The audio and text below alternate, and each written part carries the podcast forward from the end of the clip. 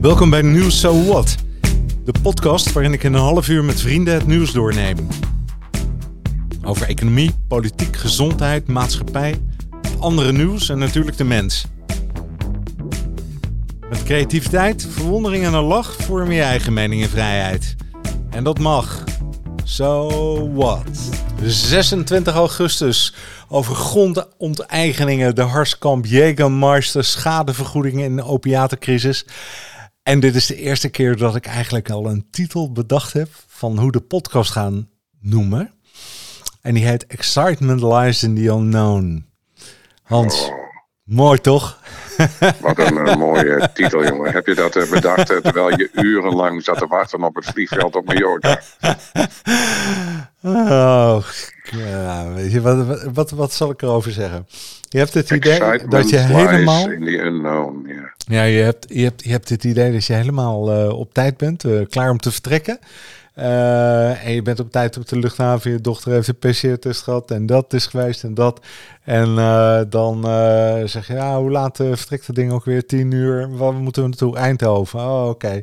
C, C, C, C44. Oh, oké, dan lopen we daar vast naartoe. We hebben nog een uur de tijd en we zitten daar lekker en, en 20 minuten voor vertrek loop ik naar de gate toe en we zijn even de laatste. En ik zeg, eh, en ik wil inchecken, zeg, uh, Flo uh, tegen mijn dochter, hier is het paspoort, je moet even je paspoort erbij halen. En die vent die kijkt me aan en zegt, this is a flight from Transavia and you have a ticket of Ryanair. verkeerde Amsterdam. Ik Je had de verkeerde Amsterdam. Eindhoven. Oh, de verkeerde Oh, Eindhoven. ja. dus, dus ja, Flo die zegt, hoe laat vertrekken we ook alweer? Ja, en ze- en vroeg ik, hè, ja, tien uur. Dus ik kijk op het bord. Dus er blijken er twee vluchten naar Eindhoven te zijn. De ene een kwartier eerder en de andere een kwartier later. Staan we bij de verkeerde gate en het andere ding is al weg. Oh, jongen. Ah. Weet je waar ik uiteindelijk beland ben? In, in Wezen. Vandaar heb ik een taxi genomen naar Eindhoven. Nou, zo is het gegaan. Oh, Nee. ik heb dat een keer gehad naar Monaco. Dus ik had een heel duur hotel in Monaco. Voor mijn geliefde had ik dat besproken. Echt super deluxe, een verrassing. En eh, daar zouden wij dan een nacht in Monaco blijven. En we zouden al heel vroeg weg. Om half negen, s ochtends. Had ik me in de dag vergist. ja, ook zoiets. God, oh, jongen. Dus eh, ik ochtends kijken of we daar, eh, qua vlucht hè, dus niet het Ja. hotel. Dus ik kijken of ik nog, nog kon overboeken, ja, maar dat kostte dan 3000 eh, euro voor een, weet ik wat, voor een enkeltje Monaco. Dus toen heb ik die nacht laten schieten en toen heb ik een, een normale vlucht geboekt. Ja. Oh, wat een drama. Ja, ik kon ook een vlucht. Er bleek er nog een naar eh, Amsterdam te gaan. En eh, voor 100 euro. Dus ik zei tegen Flo, nou laten we die maar boeken dan. Nou, was hadden ze nog maar één plek. En zo kwam ik uiteindelijk niet meer in Nederland uit. Hè, werd het eh, Duitsland. Maar het is niet erg, jongen. Hè? Dus we hebben ook wel omgelachen. hè. Je baalt een kwartiertje, want het kost je gewoon heel veel tijd. En kost ook nog 600 euro extra allemaal al. Maar eh, nou ja, laat maar. Hè? Het zit er. Maar het belangrijkste was natuurlijk, kan ik op tijd de podcast van elkaar krijgen, hè Hans? En dat is toch dat uiteindelijk nog gelukt ook, jongen. Dat is helemaal goed. Hey, ik wil het dus met je hebben over die oorzaak opiatencrisis. Blijkt dat Johnson Johnson en drie medicijnendistributeurs, hè, die hebben we- weten, die willen schikken voor 22 miljard eh, euro, omdat ze meegeholpen hebben aan de opiatenepidemie. Ken je dat? Ja, ik ken de opiatenepidemie in de Verenigde Staten. Dat hebben wij trouwens vroeger ook wel in Nederland gehad hoor, met het middel Valium. Maar goed, eh, in de Verenigde Staten is dat allemaal wat later gekomen. Ja. En daar hebben ze heel veel mensen, ik denk dat dat meer vrouwen als mannen zijn, die hebben ze aan de opiaten geholpen. De zogenaamde rustgevende kalmeermiddelen. Ja, dat is dat valium eh, eh, deel. Onder meer, Ja. onder meer valium. Ja, dit soort middelen. Dus mensen die meenden dat ze de stress niet meer aankonden van het bestaan. Het vreemdgaan van hun echtgenoot of echtgenote. de puberteit van hun kinderen. Die gingen dan naar de dokter en die kregen dan een pilletje voorgeschreven. En dat, uh, dat werd door deze mensen gemaakt. En dat, uh, dat pilletje, dat werkt heel goed. Ja. Alleen het is enorm verslavend. Ja. En daar hebben ze echt miljarden en miljarden mee verdiend, ja. Miljarden mee verdiend. En waar gaat ja. het nu om in feite? Hè? Dat ze gewoon, hè, dat ze, ze zorgen dat het hè, voorgeschreven wordt. Hè? Dat is natuurlijk ook een hele trucendoos. En dat die huisartsen ja. dat gaan voorschrijven. En vervolgens raken die mensen eraan verslaafd. En dan denk ik, uh, uh, en, en, dan weet je dat. Maar er zijn er ook, uh, weet ik hoeveel, honderdduizend of zo aan overleden hè, uiteindelijk. Ja. En dan denk ik, wat een. zijn die bedrijven eigenlijk wel ethisch? Of gaat het over nee. geld? Ik denk dat bij veel farmaceutische bedrijven het puur over geld gaat. Uh, over winst, aandeelhoudersprofit. wat we hier toch ook, zeg maar, jaren. je ziet nu pas een beetje een omslag. Het ging om de winst en om het geld voor de aandeelhouders. Veel ellende heeft het in Nederland ook veroorzaakt bij banken en bij andere bedrijven. Maar in Amerika is dat natuurlijk allemaal veel harder. Ja, dat, uh, wij hebben nog een beetje het Rijnlandse model. Maar het Angelsaksische model, wat in Amerika is, dat is natuurlijk veel harder. Ja. En uh, je hebt niet voor niets van die films, weet je nog, van die films over uh, verzekeringsbedrijven, waarbij een van de eerste AIDS-patiënten, weet je wel, die, die, die gaat dood en dan wil een verzekeringsmaatschappij, die wil niet uitbetalen en zo. En dat, ja. dat zijn de Amerikaanse is de Amerikaanse morgen natuurlijk, ja. Ja. Hoe, hoe, zou, je, zou je bang kunnen zijn dat dat ook op andere terreinen gebeurt? Ik heb het natuurlijk over die vaccins, hè? die verdomde vaccins. Maar, um... Nou, ik, bij de vaccins wordt natuurlijk momenteel. Uh, uh, beginnen wij straks met derde prikken, terwijl heel veel mensen hun tweede of eerste nog niet eens hebben gehad. Ja, precies. En uh, nou begrijp ik dat Pfizer en uh, AstraZeneca en Moderna uh, in ontwikkelingslanden tegen kostprijs ter beschikking wil stellen, willen stellen.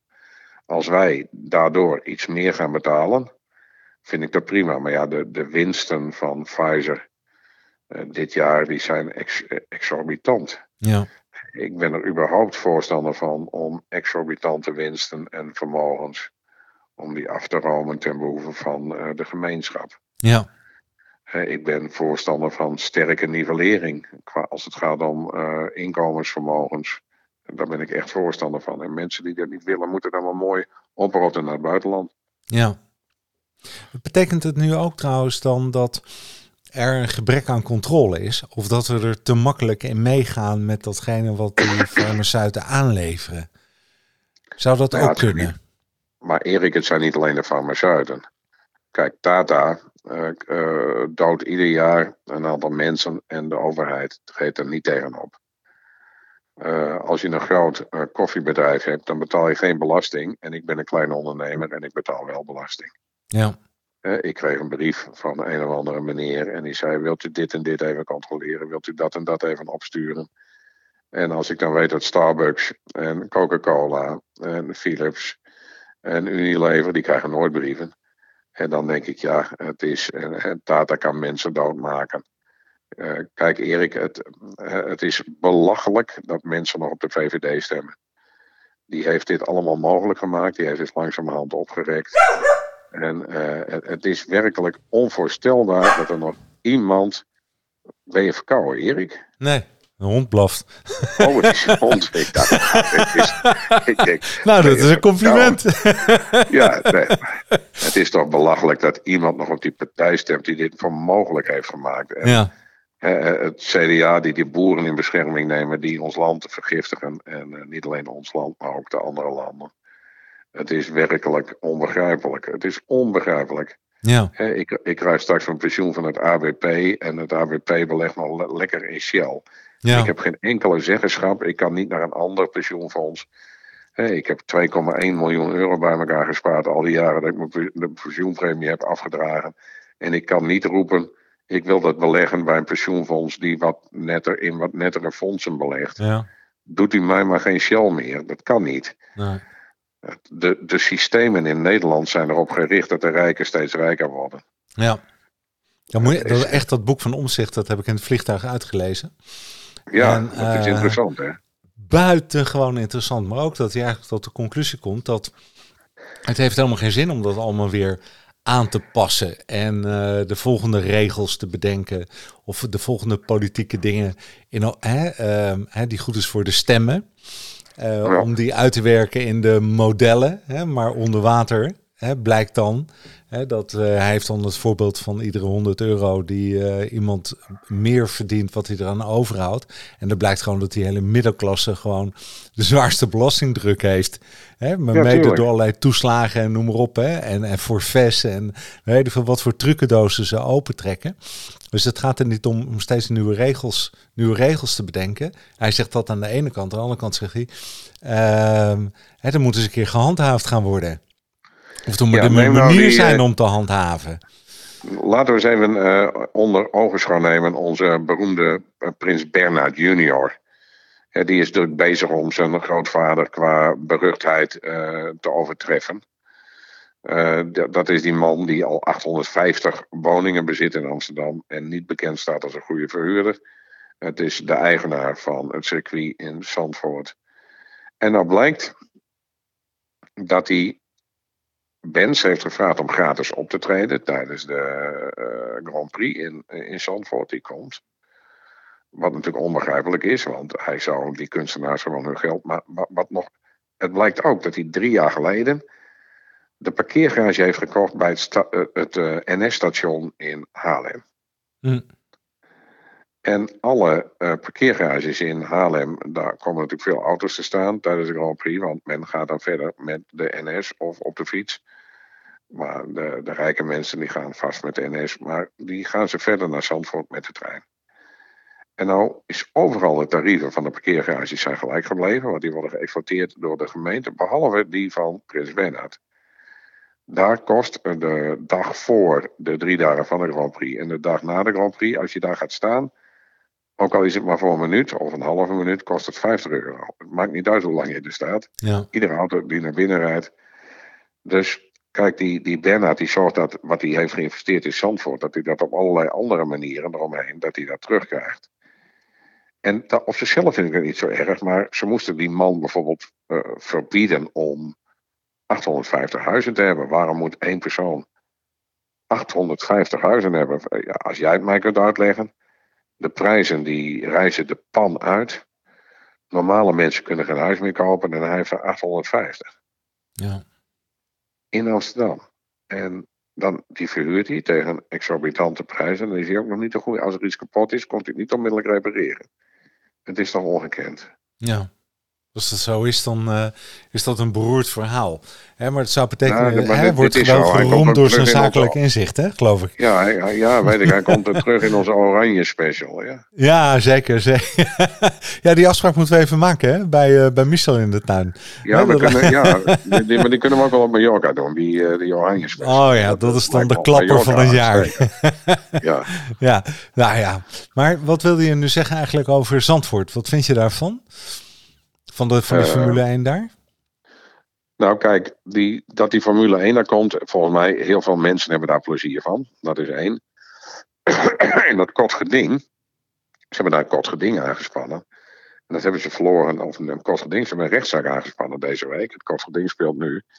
En dat hebben ze verloren. En dat gaat over het volgende. Dat gaat over de grijze woelmuis. Ja, Zo gezegd. De grijze woelmuis heeft daar een habitat en dat wordt verstoord. En dat klopt, Erik.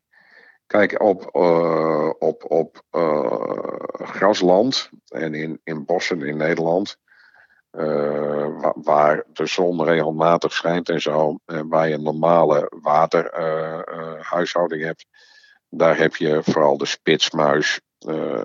en daar hebben we miljoenen van. Soms veel te veel. Alleen op zandgronden die vochtig zijn, en die heb je natuurlijk in de duinen en zo, en ook in Drenthe, daar heb je dan de grijze eh, woelmuis. Hm. En die bestaat er ook. Alleen, daar bestaan miljoenen, miljarden van ter wereld. In Oost-Europa, in Oost-Duitsland, in, uh, in, in Polen, weet ik wat, als je daar, als je daar laat vallen, dan, uh, als jij jezelf op de grond laat vallen, dan verpletter, dan verpletter je er vermoedelijk uh, 3000. Hè, dat, dat die muisjes dat per ongeluk onder je, uh, ze heet een boelmuis. dus dat, dat, ik ben heel erg voor het milieu hoor, maar dat een milieubeweging of een paar idioten zo'n argument van een paar honderd boelmuisjes ja. voor de rechter te gelden proberen te maken om zo'n evenement tegen te houden. dat vind ik niet zo goed. Nee, toch uh, ja, zijn het ja. rechten. Hè? De, recht, de rechten voor de mensen die niet kunnen, kunnen spreken. Of in dit geval de dieren. Hè? Dat is natuurlijk uh, wat een, nee, wat een rol speelt. En wat is natuurlijk ook belangrijk. Ben ik ook helemaal met je eens. Maar ik vind ook dat dit lijkt me vergezocht. Hè? En veel mensen hebben plezier aan de Formule 1. En uh, ik vind het ook wel weer mooi dat het, uh, dat het weer kan in Nederland. Hè? Dus ik, ik zou op zich er wel, uh, wel voor zijn. En wat je, je trouwens zei, wat je... wat je trouwens zei over die bands, hè, die optreden bij, die gratis moeten optreden. Um, en dat, dat, doet me ook denken aan. Uh, nou, we op een gegeven moment hebben we zeg maar online heel veel campagnes ontwikkeld voor één groot biermerk. En die zei ook tegen ons: Nou, prima dat je voor ons die campagnes maakt of die online projecten uitvoert. maar het feit dat je voor ons werkt, dat moet je maar gebruiken om ergens anders geld te gaan verdienen. Ja. Zo kan het ook. Kijk, en ja, wat ze nu zeggen. Hè, uh, hè, dit is eenzelfde laken en pak in feite. Hè, waar ze zeggen, joh, bent, hier heb je een onkostenvergoeding. Maar het feit dat je op de Formule 1 mag optreden, hè, dat zorgt ervoor dat we He, dat je dan je, he, dus dat, dat, dat is wat daar een rol speelt. Maar je kunt ook daar kun je best wel vragen bij stellen hè, bij ethisch. Maar dan gaat het over vraag en aanbod. Nou, welke band wil komen optreden? Nou, zijn er genoeg die, ja, de Rolling Stones niet, hè, bijvoorbeeld. Nee, nu he? even niet. En zeker nu niet. Hebben geen, uh, geen drummer meer, hè? Dat is dan. Uh... Ja. Maar weet, je, weet, je, weet jij wat een, een korenbolf is? Ja, dat is zo, ook zo'n woelmuis, toch? Ja, dat is een soort marmot. Ja. En op een gegeven moment kwam een of andere gek, een jaar of vijf terug. Een of andere totaal gestoorde Limburger, die kwam op het idee. Dat die beestjes die hadden heel vroeger, weet ik wat, in 1700 had je nog korenwolven in Limburg. En iemand die dacht, ja, maar dat is toch goed dat we de korenwolf terugbrengen naar Limburg. En dat project, dat kostte, uh, dat is een soort mamot, een soort hamster. Uh, dat, dat project dat kost gewoon 6 miljoen euro om de korenwolf uit te zetten in Limburg. Ja. Waar, waarom dat zo duur is, weet ik niet. Maar nee, ik zou zeggen, je, uh, je doet een bus vol met die beestjes. En, dat, en dan, wat die, die fokken natuurlijk als, als gekken, het zijn net knijnen. En dan onder 100 meter, dan, dan krijg je er 150 uit. En dan krijgen ze een nieuwe habitat. Maar nee, dat kost 6 miljoen euro. Dus ik opzoeken wat voor beestje dat is. Want ik denk, korenwolf. Dat klinkt heel groot. Nou, dat, wat, ik, wat je zei, een soort ratje. En uh, die beestjes die, die, werden, die werden uitgezet. En dan bleek dat er miljoenen ook hier weer van in Oost-Europa. Het is helemaal niet een beest dat uitsterft of zo. Weet je wel? Dus ik denk, hé, hey, ze gaan een beest dat aan het uitsterven is, dan, dan ben ik heel erg voorstander van. Dan gaan ze een fokprogramma doen en zo. Maar dit is een, weet ik wat, het, eh, in Polen, weet je wel, als je in Polen de koelkast open doet, dan springen er acht korenwolven in. En, nee, echt waar. En, en, en, hier in Nederland geven ze 6 miljoen uit om een wat, die ja. beestjes in de Limburg zo landschap uit te zetten. Dat is voor mij onbegrijpelijk. Hey, zou, je, zou je dat ook zo kunnen zien, uh, uh, want dat is even een ander onderwerp, de Harskamp. En want ik las in uh, een buitenlandse krant, en ik zag, ik was natuurlijk in Spanje, maar ik las en Engelse kranten en die kranten. En daar werd volop gesproken over wat er gebeurd is in de Harskamp uh, ten aanzien van de Afghaanse asielzoekers. Weet je, ja. dat die vervolgens met, met, met 250 mensen, Nederlanders, hè, die protesteerden daar hè, buiten de, de Army Facility. Uh, werd erover gezegd. Dat is echt groot nieuws geweest in het buitenland, hè? Wist je dat? Ja, ik heb het gelezen. Ik, ik wilde net een flauwe grap maken uh, zeer ongepaste zo. Hè, dat we Afghanen natuurlijk ook uh, weer vrijlaten dan... Uh, althans. In het Limburgse landschap. Ja. in het, in het, in het Harskamse land. Ja, ja, ja daar, de Afghaanse korenwolf in het Harskamse land. Leidt tot 250. Totaal ongepast, hè? Want dan mogen er voor mij duizenden komen. Ja, maar zo bedoel ik het niet. Maar toen dacht ik ook, hè? Maar die zijn ook wel in die unknown, hè? Dat kun je wel stellen. Want wat zou dat nou niet betekenen voor die mensen die in Nederland terechtkomen, joh? Dat moet toch ook een cultuurshock zijn van je welste? Ja, het is enorm. Als je dat ziet, zie je op de eerste plaats, hè, ik heb alles gezegd. Uh, bijna alle mensen die uit Syrië vluchten waren echte vluchtelingen. Ja, volgens de internationale verdragen hebben vluchtelingen uh, recht op opvang. En de mensen die voor het Westen werkten in Afghanistan zijn echte vluchtelingen. En die hebben recht op opvang. Of dat nou een huiskamp is, Moddergat of E. Doet er niet toe. Amsterdam heeft zich aangeboden. Terecht. Die mensen hebben recht op opvang, want als ze nou blijven, worden ze vermoord. Ja. En uh, dus dat mensen uh, zo weinig weten hebben van hoe dingen horen. En zelfs deze mensen aanwijzen en daartegen protesteren. Dat is voor mij, die mensen die daar geprotesteerd hebben, dat zijn nitwits, uh, domme idioten. Uh, ik mag ze niet. Ik, ik, ik, zou willen dat ze nooit meer iets van zich laten horen. Vervelend. Om je te schamen. En ja. het is ook, ook, wel logisch dat niemand doet moeilijk. En de mensen in Huiskamp over de wereld die doen moeilijk. Ja, het is ook wel misschien wel goed dat ze in de internationale media aan de kaak worden gesteld. Ik doe dat ook. Ja, zou ik ook doen. Ja, je zou zeggen dat uh, iedereen die het wel goed bedoelt, die heeft twee dagen de tijd om uit Harskamp te uh, ontsnappen. En dan wordt het dorpje met de grond gelijk gemaakt, iets dergelijks. ja, Hans, je houdt, je houdt er wel van, hè? De knuppel uh, even. ja, Erik, dit kan toch niet meer? Nee. Ik ben het helemaal met je eens. En moet je die, die vluchtelingen voorstellen, hè? die mensen die zijn daar uh, in, in hun uh, lange gewaden in een vliegtuig gepropt en die komen dan ergens aan en die zie ik nu daar op die defensieterreinen zie ik ze rondlopen en die kindertjes voetballen. En het is inderdaad beter dan ze doodgemaakt worden in Kabul, maar het is al triest. Ja, het is verschrikkelijk. het is verschrikkelijk. Ja, en volgens mij gaat het ook helemaal uit de hand lopen, hè, daar in Afghanistan en Kabul. Ik weet het niet. Nou, er zijn net uh, vanavond weer uh, explosies gehoord en aanslagen en doden oh, gevallen. en, Op dus, het vliegveld? Ja, eromheen. Wat ik er, wat ik er even snel van las. Oké, okay, dus want het was al aangekondigd natuurlijk. Ze, ja. ze oefenen druk uit op Amerika en het Westen om inderdaad de 31ste. Ik denk dat er nog vier, vijf dagen is om weg te zijn. Ja. Uh, ik zelf verwacht dat de Taliban uh, eerst hun machtsbasis vestigen. En dat, we, dat, dat, dat ze een gematigd beleid zullen voeren de eerste maanden. En als hun machtsbasis gevestigd is, dat we het echte gezicht van ze gaan zien. En dat is natuurlijk een een heel slecht gezicht voor.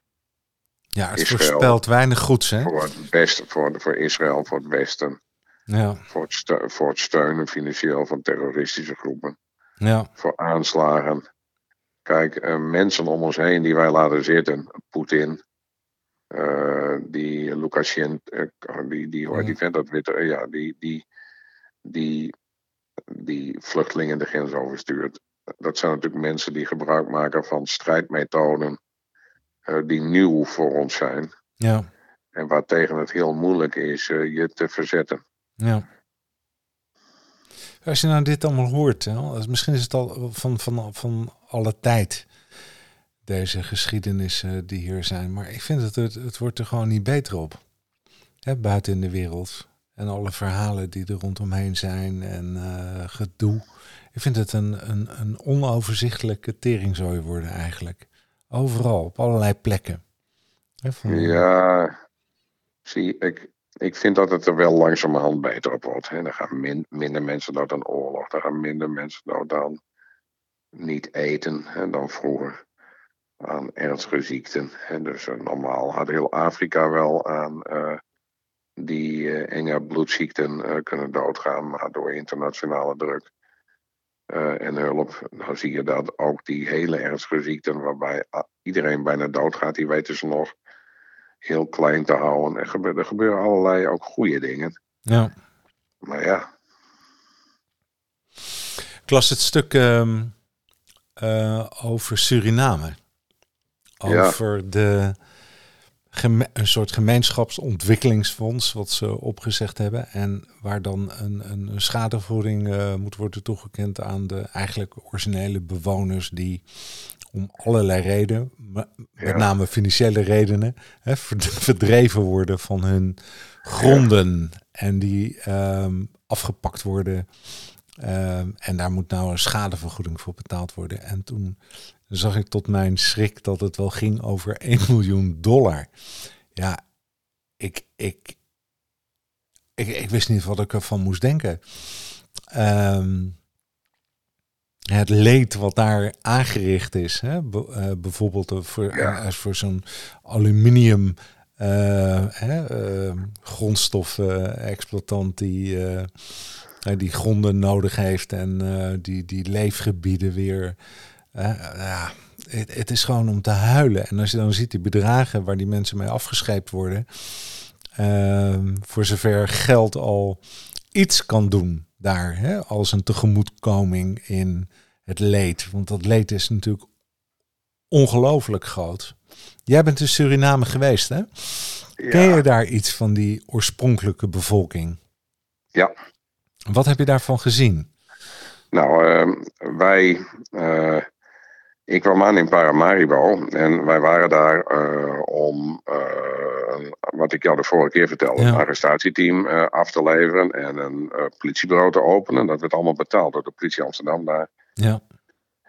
En het was vlak voor de verkiezingen. En Santokki streed toen ook al tegen Boutersen, wat hij, wat hij dan nu heeft gewonnen. Maar toen verloor hij en Boutersen die kreeg de macht opnieuw.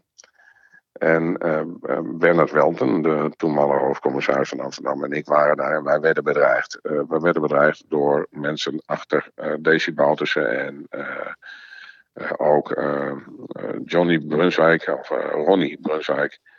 Uh, die was niet zo blij met ons, omdat wij ja. wapens en uh, we ondersteunen de politiekorps en het leger tegen hem. Ja. Uh, toen ben ik een, een, week met een vliegtuig, dat, dat van de gebroeders Schump heet dat, een heel klein twee motoren vliegtuigje, ben ik over de jungle gevlogen naar een zijrivier van de Amazone. Dat ligt in het Keizergebergte.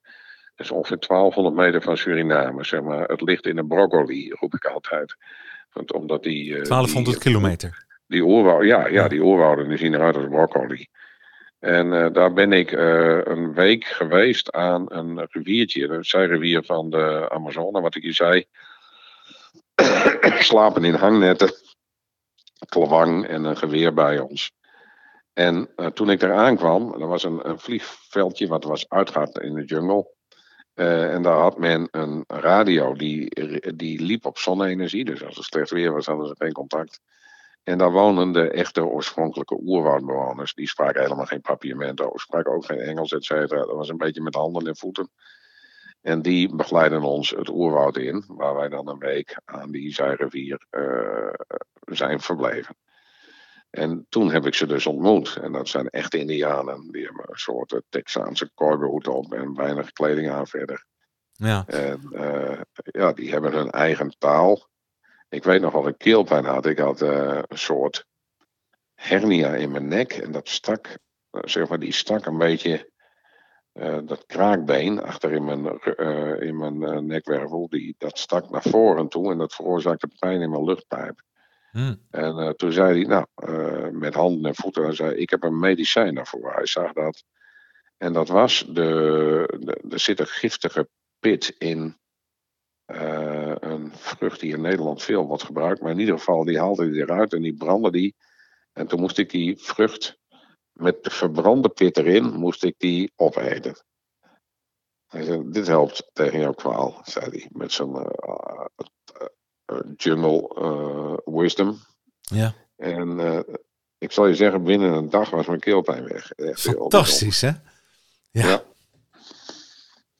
Ben ik in het algemeen, hè, trouwens, dat, dat, hè, dat we, hè, we komen uit de natuur. Hè, medicijnen die komen vaak uit de natuur. Als afgeleide producten. En uh, weet je, we, ik vind dat dat, dat, dat, dat ondergesneld wordt hè, in de hele technologische vooruitgang. Hè, dat we denken, ah, ja, wat uit de natuur komt, dat behoort tot de primitieve volkeren.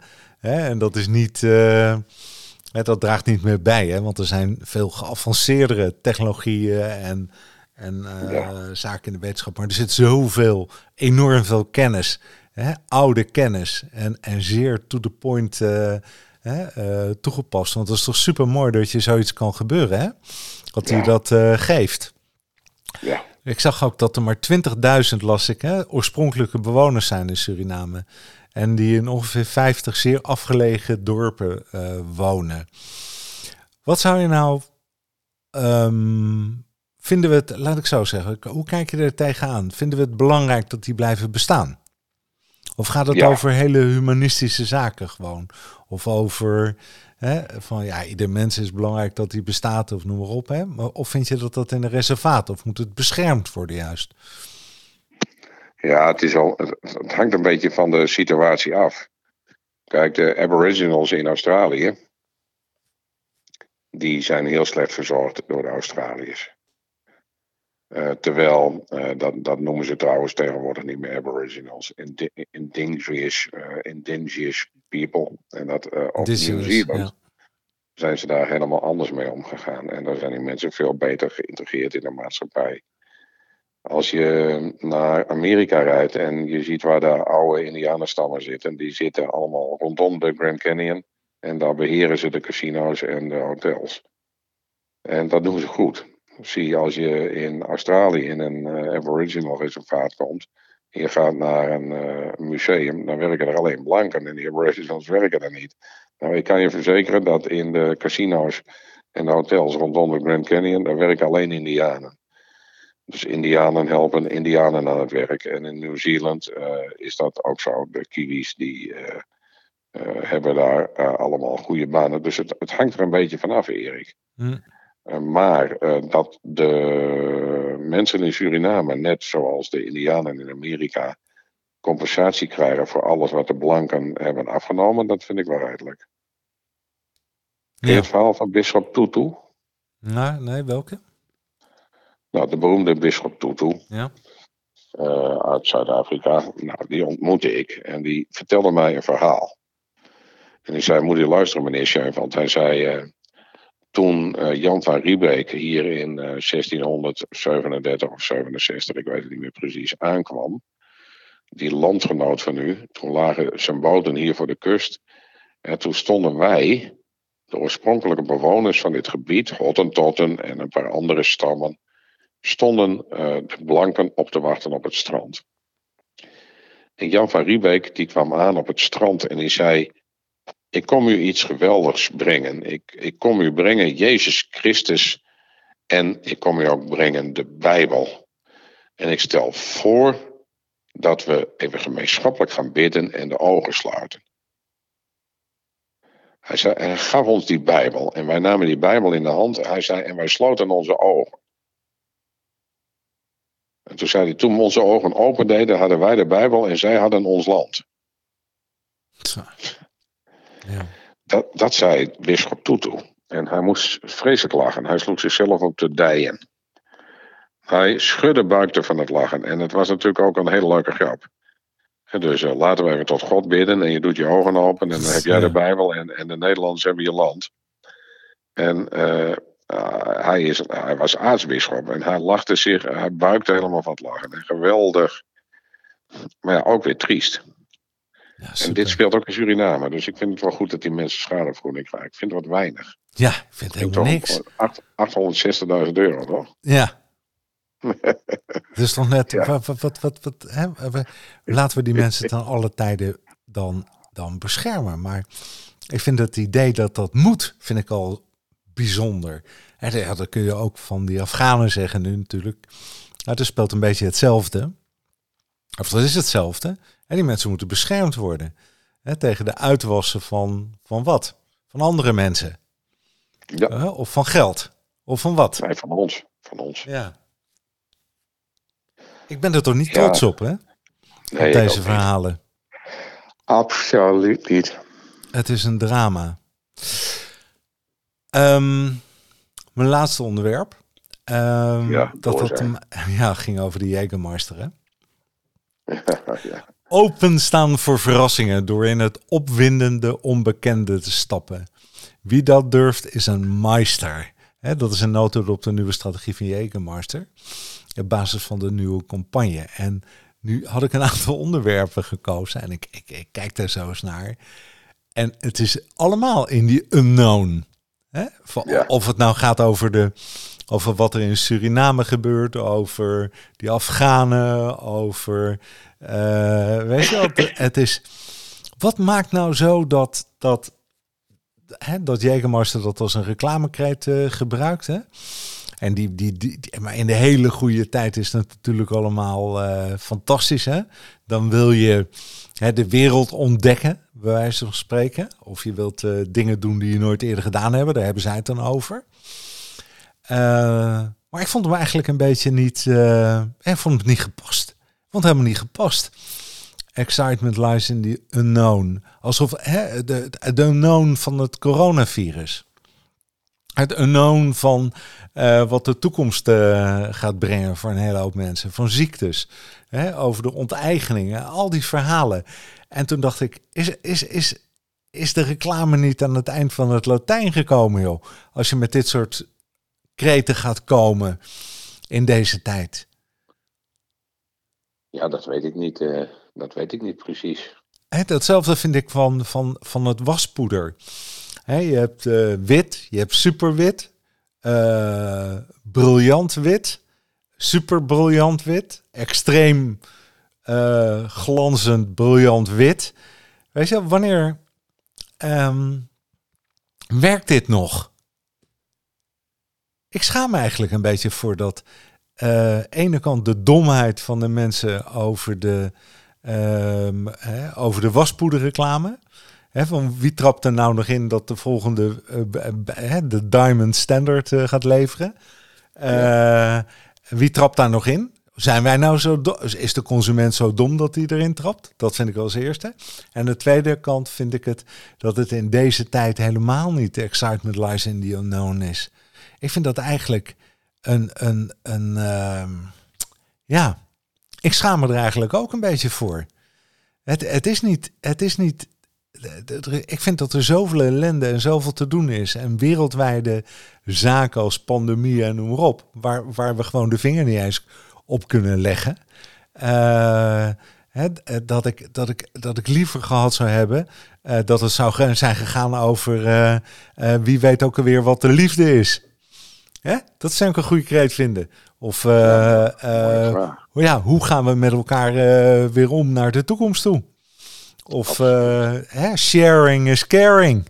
Of weet je wel, meer van dat soort dingen dan dat ik mij opgewonden moet vinden van alles wat er in de toekomst staat te gebeuren. Wat, wat unknown is. Ik vond het een bijna ongepaste reclameuiting. Maar dat zal. hè, maar misschien is het in het kader van de wasmiddelen en de waspoeders die in, in, eh, superlatieven eh, praten, eh, waar ik ook dom naar zit te kijken. Ik denk van ja, wie trapt hier nog in? Eh, is het niet genoeg geweest? Daar zouden we niet eens een pas op de plaats moeten maken? Hè, of zouden we niet meer in een, in een, naar een verantwoorde, eh, meer verantwoorde samenleving toe moeten? En zou daar eens niet de reclames over zouden moeten gaan? Hè? Ja, dat Nou was. ja. Ben ik nu ook een op- dominee? nee, nee, nee, nee, hele- nee, helemaal niet. Kijk, eh, zie, eerst die unknown, hè, dus wij leven steeds langer. Eh, ieder, eh, ieder jaar dat je een jaar ouder wordt, neemt je levensverwachting met een half jaar toe tegenwoordig. Eh, auto's hebben, zie vroeger als je een auto-ongeluk kreeg, dan had je een dikke kans dat je dood ging. Er zaten geen kreukelzones in en was niks. Tegenwoordig heb je kruikenzones, wegklappende uh, remmen. Dus zeg maar, zelfs als je zou willen, als ik met 120 kilometer opzettelijk tegen iemand anders aanrij in mijn auto, begint de auto zelf al bij te sturen. En het is heel moeilijk. Als je ziek wordt, dan heb je heel veel medische mogelijkheden die je vroeger niet had. Het is heel moeilijk om dood te gaan. En vroeger, het enige wat je moest doen, was niet goed om je heen kijken op de prairie. En als er een, wolf, een niet een wolf, een leeuw aankwam, dan was je de, was je de, de beer. Of een groep, of een groep leeuwen, dan was je gewoon mm -hmm. de beer. Dan was je dood.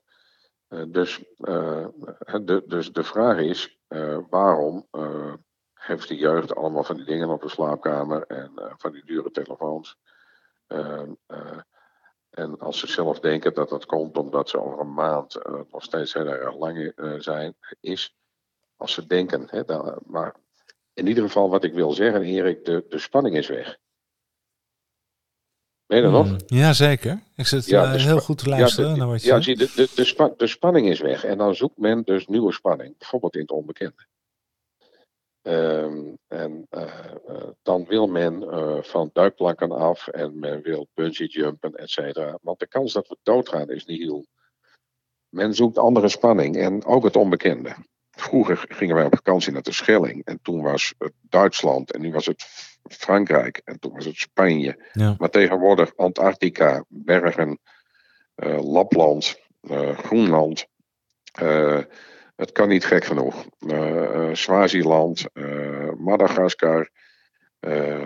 volgens mij zijn het allemaal alternatieven voor het creëren van nieuwe spanning. Omdat de kans dat we doodgaan steeds kleiner wordt.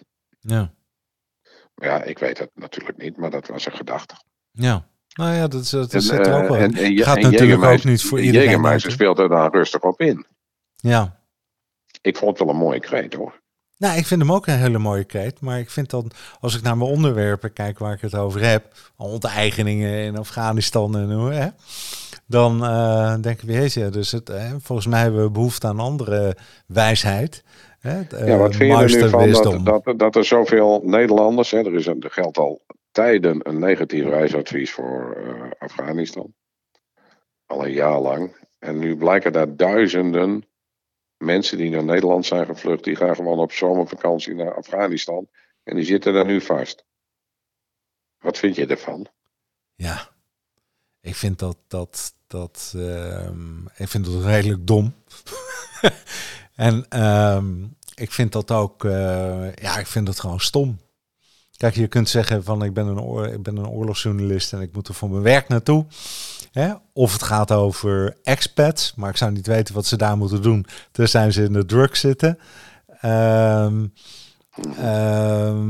ik kan ook niet zeggen boontje om zijn loontje, want ik denk ook dat het Nederlanders zijn. Dus we moeten ze beschermen, proberen op te halen en uh, voor ze uh, hè, in de bres springen als ze hulp nodig hebben. Maar ze hebben wel een eigen probleem gecreëerd, vind ik. Ik vind dat geen, ja. dat is nu geen slimme zet natuurlijk, hè?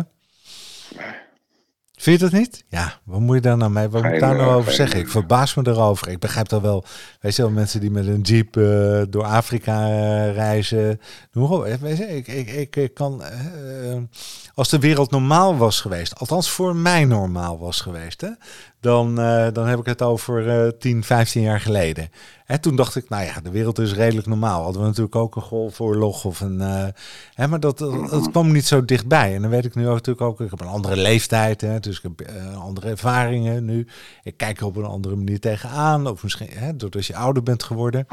En misschien was het vroeger allemaal net zo slecht en kwam het alleen in mindere mate tot me. Dat kan ook. Of ik zocht het minder op, of het interesseerde me niet. Weet je wel, er zijn natuurlijk zoveel variabelen die. Uh, uh, dat maakt het ook dat die hele wereld hartstikke complex is uh, geworden. En ik denk ook dat. soms vraag ik me af wat me ook te binnen schoot. Er zijn mensen die naar Afghanistan gaan en dan ontdekkingsreizen gaan doen, of weet ik wel, een berg beklimmen, of weet ik veel wat, wat ze willen. Ehm, hè, uh, dat kunnen ze ook doen omdat ze geld hebben. He, dus het is ook maar een klein deel Hè, dat, dat, dat niet hoeft te werken en voldoende geld heeft en op pad gaat uh, om dat soort dingen te doen. Daarvoor zou je ook kunnen zeggen dat het vaak de hè, mensen zijn die wat betere baantjes hebben of uh, uh, die wat slimmer zijn. Hè, zou je ook nog wat over kunnen zeggen hè, vanuit dat perspectief. Maar hè, dan, vraag je je helemaal af wat ze daar gaan doen. Maar het is inderdaad, de excitement lies in the unknown. Hè? Dat, ze willen, dat, dat, dat ze misschien willen kijken en zien. Maar ik vind dat net zo goed als dat we voor die Afghanen overkomen. Maar ook voor de mensen in Nederland. Of die op de armoedegrens zitten. Of hè, weet je wel. Hè, er zijn uh, genoeg, genoeg groepen in de samenleving bij ons. Die extra hulp nodig hebben. Daar moeten we voorop komen. En uh, ik, ik geloof wat ja. dat betreft ook wel dat, dat, dat uh, het, het onderscheid is gewoon te groot geworden tussen arm en rijk. En de procent mensen die veel geld hebben en de procent mensen die heel weinig hebben, dat gewoon, daar zitten te grote verschillen tussen. Dat vinden we, maar toch gebeurt er niks aan. Want de zittende macht, hè, oftewel de zittende groep mensen, hè, die denken van ja, die mensen die arm zijn, die moeten lekker arm blijven. Hè, want anders dan ja. Uh, hè, zijn wij onze positie kwijt. Ja. Toch? Daarom kun je ja, de politiek ook niet vertrouwen. Al die lui die, die, die voor die arme mensen gaan opkomen. Hè, die vergeten dat ze voor die arme mensen zijn of voor de werkende mensen. Hè, kijk dan de PvdA of de SP. Hè, dat gaat bijna nooit meer over die groep. Hè, ze proberen allemaal bovenin uh, te komen en ja. zichzelf... Uh, ja, dus macht corrumpeert, denk ik. Hè? Dat zal het wel zijn of status. Of, uh, hè, dat maakt het ja. moeilijk. Dus, maar ik denk dat als er een echte grote, goede socialistische partij zou komen, dat die een hele hoop stemmen zou kunnen krijgen. En alleen dat moet het anders ingericht worden. En democratie is niet zo slecht. Maar er zitten gewoon, hè, zoals omzicht dat dat ook. Dus natuurlijk de, een van de beste manieren. Maar uh, het is altijd. Uh, uh, er zitten te grote verschillen tussen. En uiteindelijk blijf je er zitten en dan blijf je er zitten. Kijk maar naar Rutte, die blijft er ook zitten. Die blijft er net zo lang ja. zitten tot ze hem weg... Ja, weet je wel, die, die, die moeten ze in de kist uh, naar buiten brengen. Wil die weggaan, heb ik het idee. Het is... Uh, onvoorstelbaar. Onvoorstelbaar. Nou ja. Hey Hans, hoe gaat het met je gezondheid verder? Uh, morgen heb ik weer een immunokuur. 9 uur zit ik in het Antonie van Leeuwenhoek. Ja. En dan hoop ik dat het er goed genoeg voor me is. Het is natuurlijk de eerste immuno na de verhuizing. Die verhuizing ja. was al zwaar, maar goed, de spierpijn is weg. Ja. En uh, dus het gaat op zichzelf goed. 7 september heb ik weer een algehele onderzoek. Ik hoop dat daar een goede uitslag van komt. Ja. En dan kan ik weer een, uh, een weet ik wat, vier, vijf maanden toe. Ja, zo is het. Dus het is wel bijzonder, hè? Ja, het is bijzonder dat het... Uh Hè, dat het iedere ja, keer zoveel procent van je leven weer redt, hè? Eigenlijk, hè? Wat 4 procent, ja. ja. Ja. als kankerpatiënt leef je met twee ogen. Eén oog is wat gericht op de verdere toekomst, dus een klein oogje. En er is een, ook een oog, dat is heel dichtbij en dat is gericht op het hier en nu. Dus dat is toch wel uh, heel, uh, af en toe heel confronterend. Ja. In dat huis, nou ja, ik heb mijn huis nu ja, dan denk ik, ja, ik ben het wel opknap en ik hoop dat ik er wel een tijdje van kan genieten. Hè? Zoiets hoop je dan. Nou Hans, ik, ik ben er van overtuigd, jongen. Je bent een vechter en je bent voor de goede zaak bezig. Nee, en, dat is waar. Hè? Maar goed, uh, maar je kijkt wel met twee ogen, Erik. Ja. Zo, uh, het, is, het leven is toch al... het is heel mooi. Heel veel, of op sommige opzichten heel veel mooier, maar ook... Je hebt er wel een zorg bij. Je denkt iedere keer, ja, hoe zal dat gaan? En dat... Ja, dat hebben bijna alle kankerpatiënten. Ik sprak een vriend van mij, Luwe, en die heeft darmkanker gehad en die heeft dat ook. Als hij een pijntje voelt, dan denkt hij, ik hoop niet dat. Hè? Zo. Ja. En normaal denk je, och, een pijntje. Ja. ja. Nou Hans. Maar we gaan het zien. Uh... We gaan zeker naar Mallorca toe. En we gaan zeker ja. bij Michel in de tuin zitten. En ik wens je heel ja. veel um, sterkte morgen. En uh, vroeg naar bed verder, zou ik zeggen. En, ja, uh, goed, gezond uh, goed nadenken over wat jij van de Oranjes vindt. Hè? Zo is dat. ik ga nog eens even een extra boekje lezen. Oké. Okay. Jo, dag Hans. Hoi. Hoi.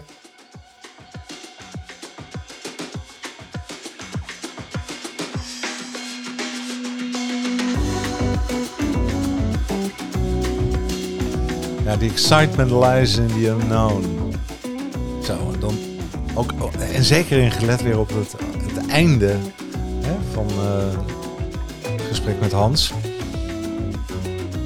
Dat is geen excitement, hè? The unknown op dat vlak. Heel, heel gelaagd. Uh, um, iets, the unknown. Nou, beetje verdrietige afsluiting eigenlijk. Wens jullie allemaal uh, het beste.